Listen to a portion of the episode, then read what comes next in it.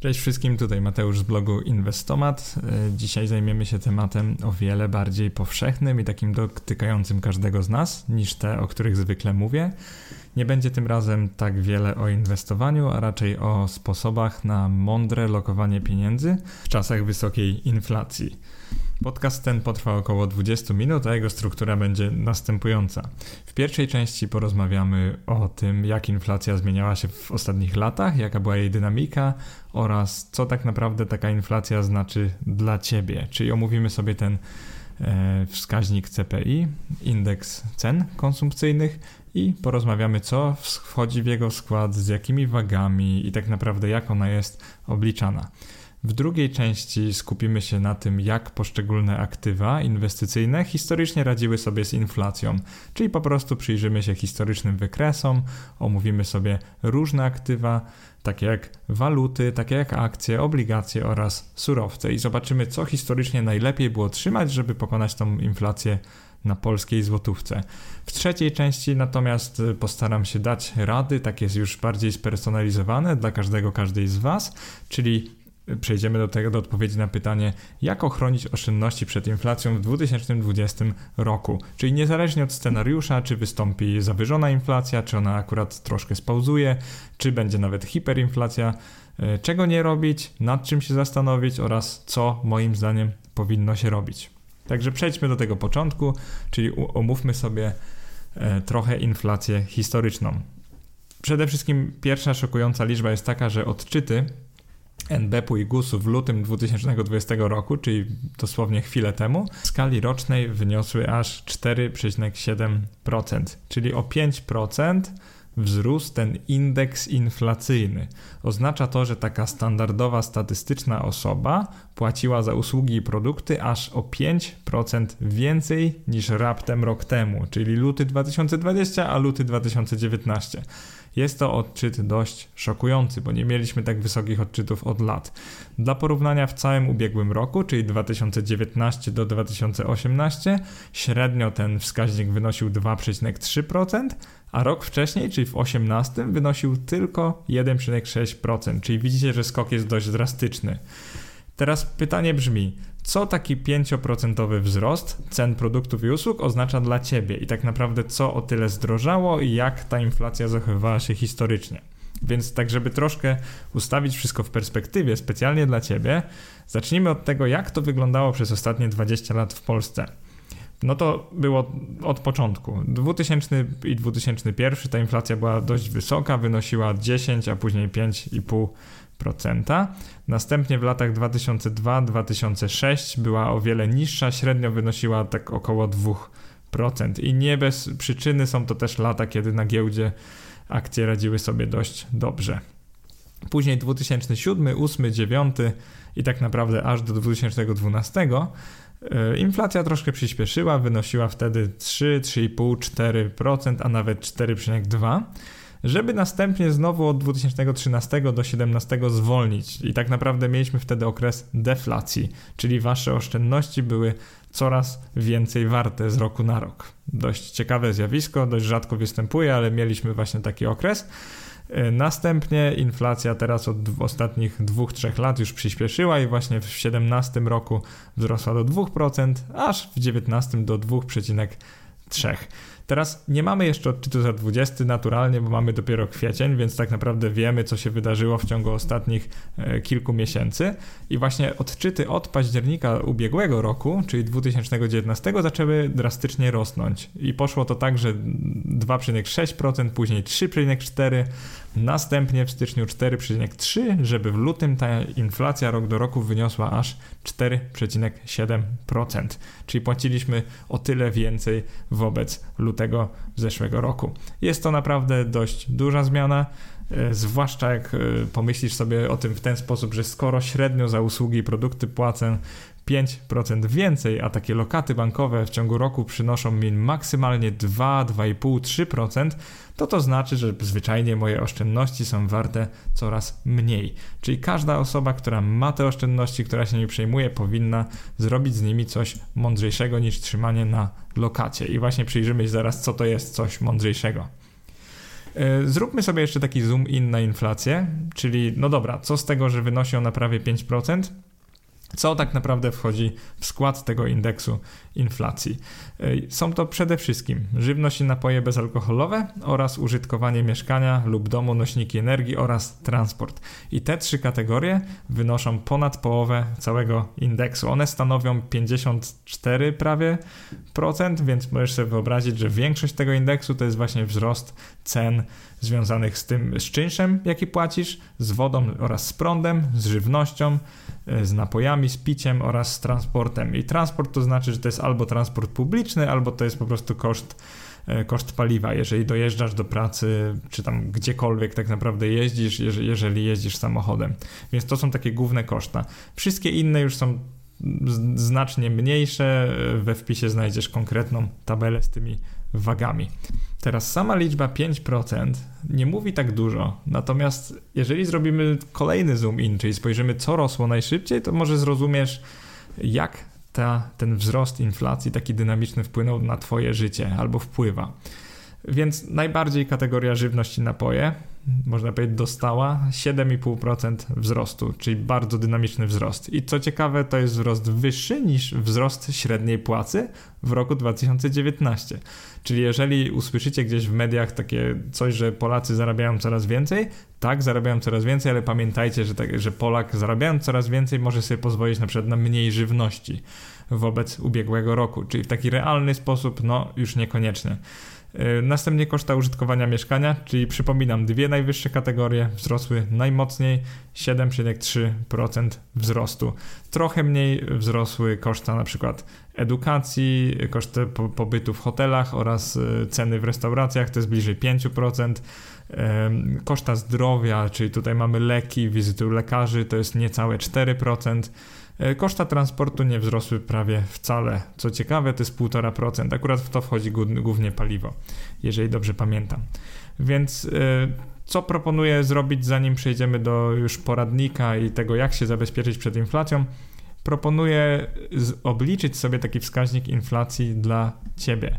Dokonasz tego w dość prosty sposób, bo te wagi oraz zmiany cen są podawane publicznie, czyli mając tą inflację dla każdej kategorii wydatków, możesz po prostu sobie wagę jakby wyestymować wobec tego, co na co ty wydajesz pieniądze. Ja zrobiłem coś takiego, we wpisie znajdziesz szczegóły. Natomiast ciekawostka dla ciebie jest taka, że o ile GUS podaje 4,7% średni wzrost inflacji, to dla mnie wyniósł on 6%, czyli znacznie więcej można powiedzieć w ten sposób, że jeżeli dalej będę wydawał pieniądze w ten sam sposób, to i, jeżeli moje zarobki w ciągu roku nie wzrosły o 6%, to realnie tracę pieniądze. Czyli tak naprawdę moje zarobki, moje oszczędności też są mniej warte niż były w zeszłym roku i tak znacznie, więc 6%. Y, polecam Tobie zrobić takie samo ćwiczenie, we wpisie znajdziesz tabelkę i cały tam pomysł, zajawkę na to, jak to zrobić, więc polecam sobie sprawdzić, czy faktycznie to jest dla Ciebie 2%, czy bliżej na przykład 7%, bo to jest duża różnica i tak naprawdę w zależności od tego pewnie trafisz do innej kategorii już tego poradnika, co z pieniędzmi zrobić. Przechodzimy do części drugiej. Y, w części drugiej porozmawiamy sobie o tym, jak historycznie poszczególne aktywa radziły sobie z inflacją. Zaczniemy od walut, ponieważ najbardziej intuicyjne wydaje mi się takie trzymanie pieniędzy w innych walutach. Weźmy franka szwajcarskiego i dolar, dolara amerykańskiego, bo to są dwie takie naj, najbardziej popularne waluty, powiedzmy, w Polsce. Jeżeli już trzymać w czymś, no to w tych dwóch i ewentualnie w euro. Y, jak to się ma do inflacji złotego, czyli cofamy się około 13 lat wstecz, Dlaczego 13? To jest dość proste, bo chciałem wziąć ten je, y, okres jeszcze przed kryzysem finansowym 2008-2009, czyli chciałem, żeby w tej całej, w tym całym porównaniu wziął udział ten mocny spadek indeksów giełdowych, celowo to zrobiłem. Z drugiej strony chciałem, żeby ten okres czasu był wystarczająco długi, żeby pomógł Tobie podjąć decyzję, czyli pokazać Tobie w ciągu ostatnich 13 lat, gdybyś 100 zł, gdybyś równowartość 100 zł włożył w to i to, włożyła w to i to, to byście teraz mieli tyle i tyle pieniędzy. Więc w ten sposób zrobiłem najpierw estymację dla franka szwajcarskiego i dolara amerykańskiego. Czyli działa to w ten sposób. Jeżeli 1 stycznia 2007 za 100 zł kupił, kupiłabyś e, dolary, to w dniu dzisiejszym mielibyście. I ciekawostka jest taka, o ile dla franka szwajcarskiego wygląda to tak, że no, kurs waluty zmienił się tak drastycznie, że o ile inflacja ze 100 zł, 100 zł wtedy jest warte teraz 130 zł, czyli coś jeżeli nie wzrosło do przynajmniej 130, to znaczy, że efektywnie straciliście pieniądze. To ciekawostka jest taka, że frank szwajcarski jest wart teraz, byłby wart teraz o wiele więcej. To jest około te wasze oszczędności byłyby warte zamiast 100 zł około 170 zł. We wpisie zobaczycie sobie wykres. Więc to jest taka ciekawostka, że kupując frank szwajcarski, powiedziałbym, że zupełnie przypadkowo, ale byście byli teraz na plus. No i zupełnie inaczej sytuacja się ma, jeżeli chodzi o dolar amerykański. To też jest ciekawe. Gdybyście po prostu trzymali dolar pod poduszką, to wrócilibyście teraz na wartość inflacji, czyli ze 100 zł zrobiłoby się wam 130 zł. No i teraz, co, co o tym myślę? No, nie chcę na razie się wypowiadać, ale to już samo sobie powinno dam, wam dać do zrozumienia, że może trzymanie w obcej walucie samo w sobie, a nie w żadnych aktywach, to nie jest najlepszy pomysł na przetrwanie długoterminowo wzrostu inflacji, bo równie dobrze moglibyście kupić walutę, której kurs spadł wobec złotego, więc teraz byście byli mocno na minusie. Teraz spojrzymy sobie w sposób analogiczny na to, co by się stało z waszymi 100 złotymi, gdybyście tego 1 stycznia 13 lat temu kupili akcje. I teraz bierzemy dwa indeksy. WIG20, indeks największych polskich spółek oraz S&P 500, czyli te 500 gigantów z giełdy amerykańskiej, giełdy nowojorskiej, żeby być bardziej konkretnym. I teraz tak. Po pierwsze, gdybyście zainwestowali właśnie wtedy, czyli zaraz przed kryzysem finansowym y, w akcje amerykańskie, byście wyszli na tym naprawdę znakomicie. Oczywiście bierzemy tutaj indeks, który reinwestuje dywidendy, czyli wszystkie wpływy, które dostajecie, trafiają z powrotem na giełdę, czyli kupujecie jeszcze więcej indeksu za to. To się nazywa Total Return. I taki indeks dałby wam ze 100 zł, byście teraz mieli tak około 360 w ciągu 13 lat. Jest to naprawdę dobry wynik inwestycyjny i nie zakłada, że wybieracie konkretne akcje, po prostu inwestujecie w cały indeks. O tym, jak to zrobić, przeczytacie w innych moich wpisach, posłuchacie w podcaście na przykład w co inwestować w czasach koronawirusa, więc zachęcam, żebyście po prostu tam już doczytali sobie, jak to robić. E, jeżeli chodzi o inwestora w polski indeks WIG20, no niestety on miał taki mocny trend boczny. Gdybyście kupili akurat w styczniu 2017, byście nie dość, że nie pokonali inflacji, to jeszcze bylibyście na minus. Czyli inflacja zmieniła 100 zł w 130, natomiast inwestycja złotówkowa w WIG20 zmieniłaby wasze 100 zł w niecałe 75 w tak przybliżeniu. Czyli inwestycja w rynek amerykański akcji w tym okresie bardzo lukratywna, Większość tych lat to jest okres po kryzysie, czyli byście zaliczyli bardzo duże wzrosty i wcale nie tak dużo spadków. Ze 100 zł by się wam zrobiło 360 y, około. WIG20 niestety byście odnotowali stratę. Niemniej to nie oznacza, że inwestycja w, w, polski rynek akcji nie ma żadnego sensu. Po prostu może trzeba być bardziej selektywnym lub po prostu WIG20 nie był najlepszym indeksem. Niemniej, jak spojrzycie sobie w perspektywie, to inwestycja w akcje, zwłaszcza te większe, renomowanych firm, jak najbardziej ma sens. Zwłaszcza, że inwestując w SP 500, inwestowalibyście dolarem. Czyli zauważcie, żebyście też mieli, trzymalibyście pieniążki w dolarach w ten sposób. Więc macie ten efekt, po pierwsze, że dolar jest coraz więcej wart wobec złotego, czyli macie trochę, hedżujecie sobie to ryzyko walutowe, kursu walut. Z drugiej strony po prostu akcje zarabiają pieniążki, lokujecie to we wszystkie akcje tych dużych spółek i zarabiacie na tym pieniądze.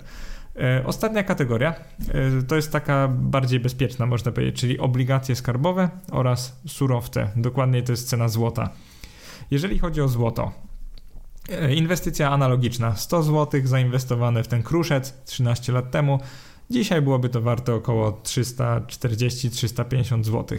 I nawet nie mówię o kruszcu fizycznym, tylko taki indeks złota. Jakbyście po prostu kupili indeks, który już kupuje złoto jakby waszymi E, pieniędzmi w ten sposób. O tym, jak to zrobić też w innych podcastach i wpisach, więc akurat nie będę się rozgadywał. W każdym razie ze 100 zł zrobiłoby się 350, to jest mocne pokonanie inflacji, to jest niezła stopa zwrotu, tylko tutaj chciałbym nadmienić, że to nie, to nie będzie trwało wiecznie, to nie będzie raczej tak, że przez każde 13 lat złoto będzie zyskiwać 350%, e, czy, więc akurat uważałbym tutaj, natomiast pokazuje to dość jasno, że tak złoto pokonało inflację w złotówkach.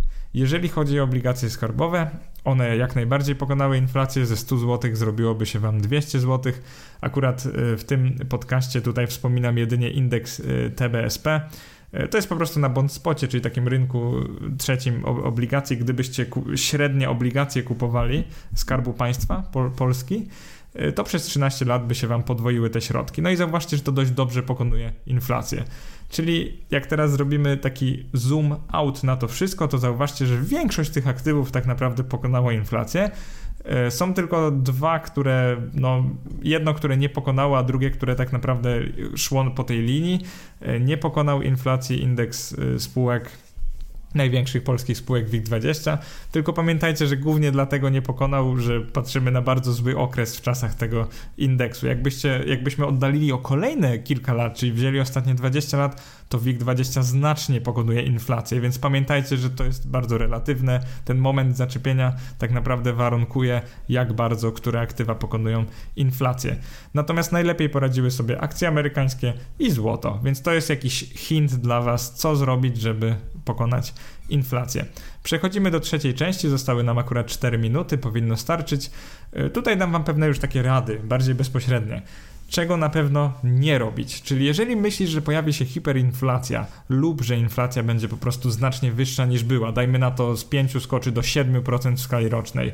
Czy to się stanie? Uważam, że raczej nie, ale jeżeli by się stało, na pewno nie trzymajcie pieniędzy w gotówce e, fizycznej tak, w tak zwanej skarpecie, bo niestety jak trzymacie to w skarpecie, to nie możecie szybko zareagować na to, e, jak ta inflacja zacznie galopować, czyli nie możecie tego szybko wymienić. Czyli to, co robi, robi część osób, na przykład pod groźbą, pod, y, pod tym takim, w takim strachu, że państwo na przykład zajmie nasze rachunki, to to jest wypłacanie fizyczne gotówki. To to jest coś, czego bym zdecydowanie nie robił. Nawet jeżeli wymieniacie waluty, to trzymajcie w jakimś koncie, może być zagraniczne konto w dolarze lub euro, ale trzymajcie to na kontach, bo będziecie mogli szybko to wymienić albo na inną walutę, albo będziecie mogli to wymienić na aktywa, na przykład kupić za to akcje. Więc naprawdę polecam Wam nie wypłacać pieniędzy z rachunków. Możecie sobie je rozłożyć na kilka rachunków, możecie część trzymać na rewolucie, jeżeli czujecie się przez to bezpiecznie, że tego nie ma na waszym koncie bankowym, natomiast zdecydowanie nie wypłacajcie tych środków i nie trzymajcie ich pod poduszką. To, to nie jest dobre w czasach wysokiej inflacji. Więc jeżeli ktoś wam powie co innego, to możecie się posiłkować argumentami z tego podcastu. Drugą rzeczą, której zdecydowanie nie polecam, to jest trzymanie pieniędzy na lokacie. Zauważcie, że w ciągu ostatnich dwóch miesięcy stopy procentowe spadły z 1,5% do jedynie pół punktu procentowego jest to bardzo mało. Spadły o cały punkt procentowy, oznacza to, że teraz trzymając środki na lokacie e, masz inflację w wysokości 5% rocznie, a zarabiasz może procent, może 1,5% w skali roku, więc jest to bardzo mało, więc zdecydowanie nie polecam trzymać pieniędzy na lokacie. Nad czym natomiast można się zastanowić? Krótkoterminowo można faktycznie wymienić swoje środki np. ze złotego na dolar albo na frank szwajcarski. Tylko to jest perspektywa roku dwóch maksymalnie, czyli nie trzymajcie przez długie lata w obcych walutach, bo pamiętajcie, że te pieniądze, tak jak złotówka jest zżerana przez polską inflację, to pamiętajcie, że dolar i frank na przykład są zżerane przez inflację te ich lokalne. Czyli nie trzymajcie tak za długo, natomiast jeżeli boicie się, że będzie hiperinflacja, o czym też niedługo nagram osobny podcast, o tym, czy ona się wydarzy, czy nie. Jeżeli się tego boicie, to zachęcam Was, żebyście wtedy ewentualnie wymienili część, część oszczędności sobie na przykład na dolara, wtedy będziecie spać spokojniej. No i teraz to meritum wpisu, czyli co każdy posiadający oszczędności powinien zrobić, by, by uciec inflacji oraz temu ryzyku, że państwo zajmie nasze środki. No pamiętajcie przede wszystkim, że jeżeli macie dość spore środki na rachunku bankowym albo na lokacie, nie trzymajcie nigdy w jednym miejscu więcej niż 400 tysięcy złotych, bo to jest ten limit 100 tysięcy euro około. E, wiadomo, teraz 100 tysięcy euro to jest już bliżej 450 tysięcy złotych, ale już mniejsza o to. E, do czego zmierzam? Zmierzam do tego, że te 100 tysięcy euro to jest limit e, gwarancji BFG, Bankowego Funduszu Gwarancyjnego, więc cokolwiek złego by się działo, to wasz bank odda wam, znaczy te, te, to konsorcjum banków odda wam tylko do tej y, kwoty. Więc nie trzymajcie na rachunku więcej niż 100 tysięcy euro. To to jest pierwsza rada. Y, druga rada jest taka, że część waszych środków polecam, żebyście trzymali albo na obligacjach skarbowych czteroletnich indeksowanych inflacją. Argument za tym jest taki, że no, inflacja wygląda na to, że znowu wpadła w ten trend zwyżkowy i w ciągu kilku lat będzie wynosić bliżej 2,5-3% niż na przykład y, trafimy znowu na deflację. Więc y, te obligacje skarbowe, o tym jak je kupić też we wpisie, po prostu klikacie w link E, już sobie znajdziecie sami, to jest dość proste. Natomiast e, warunki są bardzo fajne, bo przez pierwszy rok macie, macie stałe, tam, tam jest chyba 2,2% a w kolejnych to jest 1,25% plus inflacja. To jest ta inflacja CPI. Więc jeżeli odczyt CPI w przyszłym roku będzie na przykład 4%, to te obligacje zapłacą Wam 5,25%. Więc fajne jest to, że niezależnie od wysokości inflacji, przynajmniej w teorii, one uciekają tej inflacji, czyli zawsze płacą Wam trochę więcej niż wynosi inflacja. Więc myślę, że to jest dobry sposób na przetrwanie takich czasów znacznie podwyższonej inflacji. I pamiętajcie też o jednej rzeczy. Jeżeli nawet trafi się deflacja, jeżeli inflacja spadnie nagle na przykład z 5% do 1 i już, i już będziecie mieli lepszy pomysł na te środki, możecie za dość niewielką taką opłatą, taką można powiedzieć karą, możecie wyjąć te pieniądze lub przenieść na inne obligacje, też skarbowe. To jest dość proste. Płaci się około 1%, więc wyobraźcie sobie, że zarobiliście 5% w ciągu roku, na, natomiast w przyszłym roku inflacja już nie wygląda tak imponująco. Możecie za 1% tych środków po prostu przenieść je sobie E, gdzie indziej. To, z tego co pamiętam, to jest trochę poniżej 1%, więc można zerwać je przedwcześnie, można je przenieść na coś innego, więc nie bójcie się takiego lokowania na 4 lata. Nie jest to aż tak wiążące, jak może wam się teraz wydawać. Kolejnym dobrym pomysłem, e, jeżeli chcecie oszczędzać w dolarze, to jest to, co ja robię, możecie kupić ETF inwestujący w obligacje skarbowe rynku amerykańskiego, czyli rządu USA. E, po prostu pożyczacie wtedy pieniądze Donaldowi Trumpowi, tak mówiąc prześmiewczo trochę jest to bardzo stabilny instrument, w zależności od tego, ile one będą wypłacać odsetek i oczywiście stóp procentowych w Stanach będzie zarabiać mniej lub więcej. E, dlaczego Wam polecam akurat to? E, chociażby dlatego, że większość z Was pewnie chce mieć trochę dolara, no to zamiast trzymać suchego dolara, moglibyście kupić ETF, który też w tych dolarach trzyma obligacje skarbowe rządu Stanów Zjednoczonych. E, wtedy macie ten taki efekt, że i tak posiadacie jakby dolar, E, czyli macie ten dolar i z drugiej strony pożyczyliście komuś pieniądze i ten ktoś wam za to płaci. Więc macie fajny efekt, że i bronicie się przed spadkiem wartości złotówki, tą hiperinflacją ewentualną i dostajecie odsetki takie standardowe z obligacji. Więc to jest naprawdę dobry pomysł. Zresztą sam napisałem e, w tym wpisie oraz podcaście, w co inwestować podczas pandemii koronawirusa. Sam się na to mocno powołuję, jakby mówię wam wprost, że sam posiadam część środków właśnie w tym. I taka czwarta rada, ostatni punkt to jest, że możecie pomyśleć o zakupie ETF-u na złoto. Y, złoto historycznie fajnie pokonywało inflację prawie w każdej y, walucie, w zasadzie w każdej. Y, ten kruszec jest właśnie skończony, ograniczony oraz używany, może nie tyle co w przemyśle, to po prostu używany do produkcji chociażby chociażby biżuterii i, i, ta skończoność jego powoduje to, że no, jest on zabezpieczeniem prawie wszystkich innych walut. Więc jeżeli czujesz, jeżeli boisz się, obawiasz się tej inflacji rosnącej, to czy zakup fizycznego złota, czy ETF-u na złoto to jest zawsze dobry pomysł. Akurat te ETF-y na złoto dostępne w Polsce, one są notowane w euro, czyli macie wtedy taki podwójny E, hedge, że nie dość, że nie macie złotówek, to jeszcze macie za to kupione złoto. No i teraz to jest takie podwójne ryzyko i podwójna szansa. Ryzyko takie, że oczywiście euro może być znacznie mniej warte wobec złotego, zwłaszcza niż teraz, oraz e, kurs złota może jednak spaść wobec złotówki. Oczywiście były takie okresy w tych, w tych czasach, które omawiam, w tych nawet 13 latach, były takie okresy, kiedy inwestując w to byście stracili pieniądze, ale co jest najistotniejsze, to to, że długoterminowo jak ja mówię długoterminowo, to zwykle to jest 10 plus lat. E, tak naprawdę te sposoby by Wam bardzo pomogły i byście przynajmniej pokonali inflację. E, absolutnie nie zachęcam do zakupu akcji, zwłaszcza, że to jest taki moment, że no sam tak naprawdę przyglądam się temu, co się dzieje. Na pewno nie jest to najlepszy czas na to, więc nie będę Wam tutaj lobbował tego, że indeks spółek amerykańskich to jest doskonała inwestycja. Tak, jeżeli macie psychikę, żeby trzymać go przez 20 lat, to zazwyczaj to jest doskonała inwestycja, już niezależnie kiedy je e, kupicie, a zwłaszcza jak kupujecie regularnie. Natomiast na dzień dzisiejszy, tak jak mówiłem, obligacje skarbowe czteroletnie rządu polskiego, ETF na obligacje rządu amerykańskiego oraz ETF na złoto. To są takie dobre pomysły. Nie trzymajcie za dużo na lokacie, pamiętajcie o tym limicie BFG i pamiętajcie o tym, że jednak państwo w pewnym momencie może tak wymusić, że nasze depozyty pójdą na coś innego, o czym już nagram osobny podcast, więc nie chcę was jakoś za bardzo straszyć. Natomiast te tutaj trzy rzeczy zasadniczo, które na końcu wymieniłem, myślę, że to są takie dobre sposoby na zbicie tej inflacyjnej temperatury, czyli na takie pogodzenie się z rzeczywistością i możliwość spokojniejszego snu. E, bardzo Wam dziękuję za wysłuchanie tego podcastu. Zamknąłem się w 25 minutach. Jest tak naprawdę lepiej niż myślałem, bo to jest temat bardzo rozległy. Jeżeli macie pytania, to zachęcam do wysyłania wiadomości, komentowania wpisu. Zwykle mamy bardzo fajne dyskusje pod wpisami, więc zachęcam do tego. No i oczywiście dzięki za każdą promocję, wysyłanie mojego bloga i podcastu innym zainteresowanym. Dzięki, cześć.